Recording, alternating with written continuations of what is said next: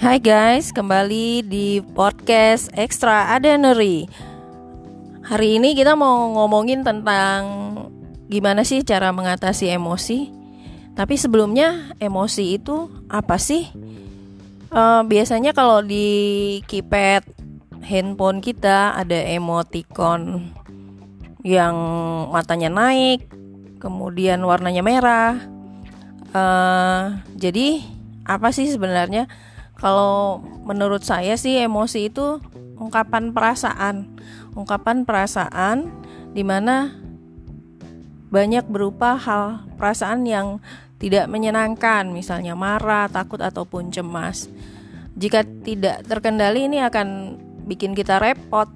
Kadang-kadang e, bisa menyebabkan kondisi dan situasi yang tidak menyenangkan untuk orang sekitar maupun untuk diri sendiri. Uh, gimana sih mengatasinya itu? Jadi kita harus tahu dulu emosi kita tuh yang seperti apa. Apakah kita marah, apakah kita cemas, atau kita takut dan sebagainya. Kemudian uh, pikirkan mengapa situasi tersebut mengganggu. Misalnya uh, pada saat kita ingin bicara dengan banyak orang uh, ada hal yang menjengkelkan sehingga kita tersulut amarah. Nah, itu akan mengganggu. Kemudian kita pikirkan dampak dan situasi tersebut terhadap kehidupan kita. Ya iya, sangat jelas. Ketika kita marah, respon orang pasti sebagian besar uh, tidak mendukung kemudian ya bisa juga berbalik jadi marah. Nah, cara mengatasinya ya kita menentukan apa yang harus diubah, apakah cara bicara kita tidak sesuai pada situasi tersebut, apakah memang kita uh, reaksi kita memang sudah sesuai karena situasinya uh, memang menyebabkan marah kita muncul. Kemudian uh, kita pilih cara yang positif untuk bereaksi. Misalnya, kita pada saat gagal ujian, reaksi positifnya adalah kita harus belajar lebih keras untuk ujian berikutnya, tidak jatuh ke dalam uh, marah, mencari kesalahan siapa, dan sebagainya. Kemudian, pikirkan suatu hal positif dan situasi tertentu apa yang dapat dipelajari dari situasi tersebut. Misalnya, kembali tadi kepada uh, persoalan gagal ujian, ya kita mencari misalnya situasi yang atau hal positif untuk dapat mendukung kita belajar lebih baik untuk mencapai sukses untuk berhasil dalam ujian. Ya kita pikirkan apakah membutuhkan situasi yang hening, yang tenang, jadi kita bisa menyesuaikan cara dalam belajar tersebut. Kemudian uh, bagaimana sih kita meredakan amarah? Ya, kita pasti mengenali tanda-tanda kemarahan yang terjadi pada diri kita. Dan uh, kita menerima bahwa pada saat itu sedang marah. Kemudian kenali cara berpikir positif tentang situasi itu ya, menenangkan diri lah. Kemudian kerjakan hal-hal yang bermanfaat untuk menenangkan diri. Misalnya menarik nafas dalam dulu, kemudian berpikir sejenak, kemudian dengarkan musik. Bisa saja jika kita sedang uh, akan meredakan amarah, kita salurkan energi kita misalnya dengan berolahraga. Bisa juga dengan menulis, uh, sesuatu di buku harian atau menulis surat sese kepada seseorang. Kemudian kalau misalnya uh, jika diperlukan kita menyobek lagi surat tersebut.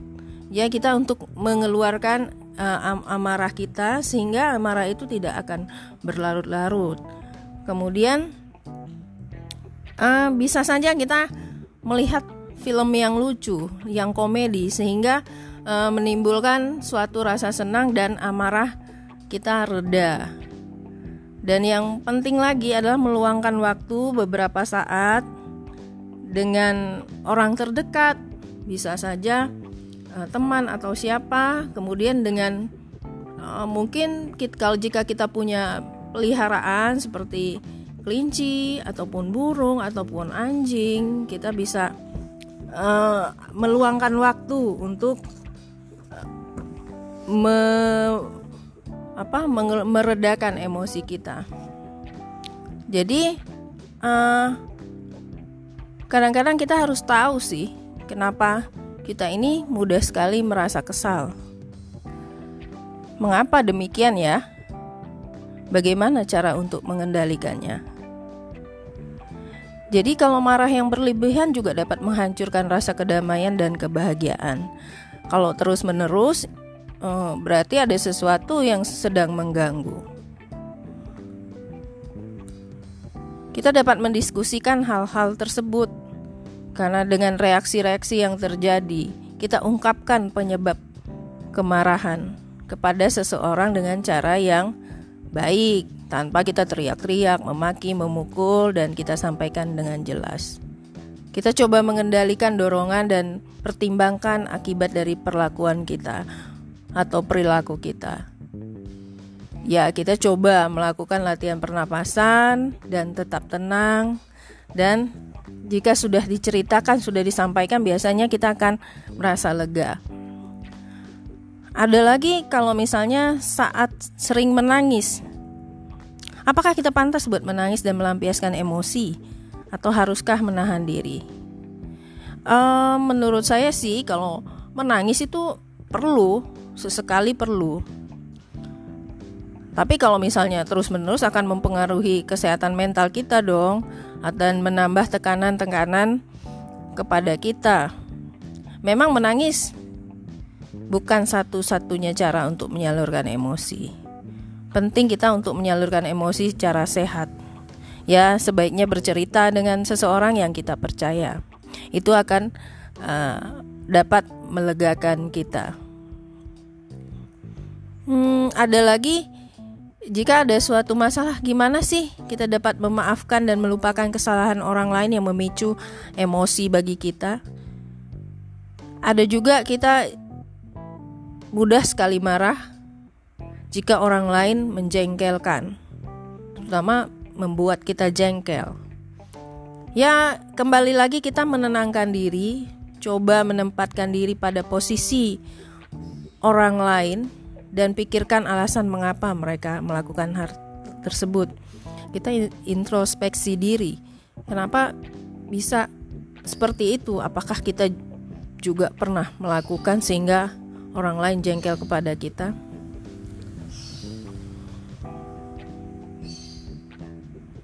Kemudian ada salah satu lagi, jika kita merasa cepat sedih, Bagaimana sih kalau kita merasa cepat sedih? ah, hal-hal yang kita dapat lakukan secara sehat, yaitu kita harus berkomunikasi, bercerita bagaimana perasaan kita. Kadang-kadang olahraga juga dapat menolong untuk tetap tenang, misalnya ya bersepeda, kemudian uh, jalan kaki atau jogging. Kemudian kita bisa mengatasi rasa sedih ini dengan melakukan hal-hal yang membuat kita gembira, misalnya hangout bersama teman-teman. Hangout bersama teman-teman ini kita bisa mendapatkan hal-hal yang menggembirakan. Kita sudah juga bercerita, kita berkomunikasi dan menemukan hal-hal baru sehingga rasa sedih kita teratasi. Kemudian jangan tergoda ya untuk tinggal di rumah karena akan membuat kamu lebih banyak terpusat pada kesedihan atau berdi misalnya kita di, tinggal di rumah berdiam diri di dalam kamar itu akan semakin merasa sedih biasanya. Sehingga kita perlu kegiatan positif yang pasti akan membantu kita merasa lebih baik. Ada lagi jika kita merasa tegang atau ketakutan. Gimana sih cara mengatasinya? Ketakutan ini biasa kita sebut dengan fobia ya. Penyebab utamanya uh, biasanya itu kita apa sudah tertekan dengan hal yang menyebabkan kita takut? Biasanya kita gugup, tegang, cemas, atau malu. Kita dapat menghindari hal-hal yang menyebabkan fobia tersebut. Tapi kadang itu juga bukan cara yang terbaik karena biasanya kita te bertemu terus dengan penyebab itu.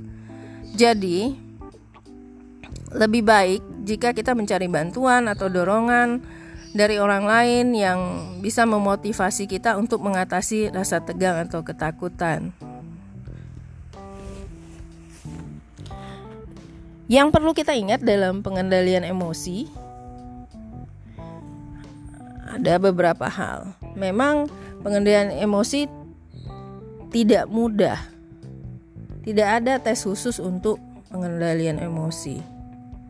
Pengendalian emosi sendiri dipengaruhi oleh kepribadian, kebiasaan, kemudian ambisi serta kemampuan kita untuk menghubungkan uh, ketiga hal tersebut di lingkungan kita. Jadi ada hal-hal yang perlu kita perhatikan dengan sendirinya, yaitu membantu kita untuk dapat mengendalikan emosi.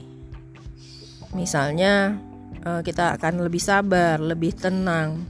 Kemudian, kita dapat menceritakan kepada orang-orang yang di sekitar kita yang kita percaya.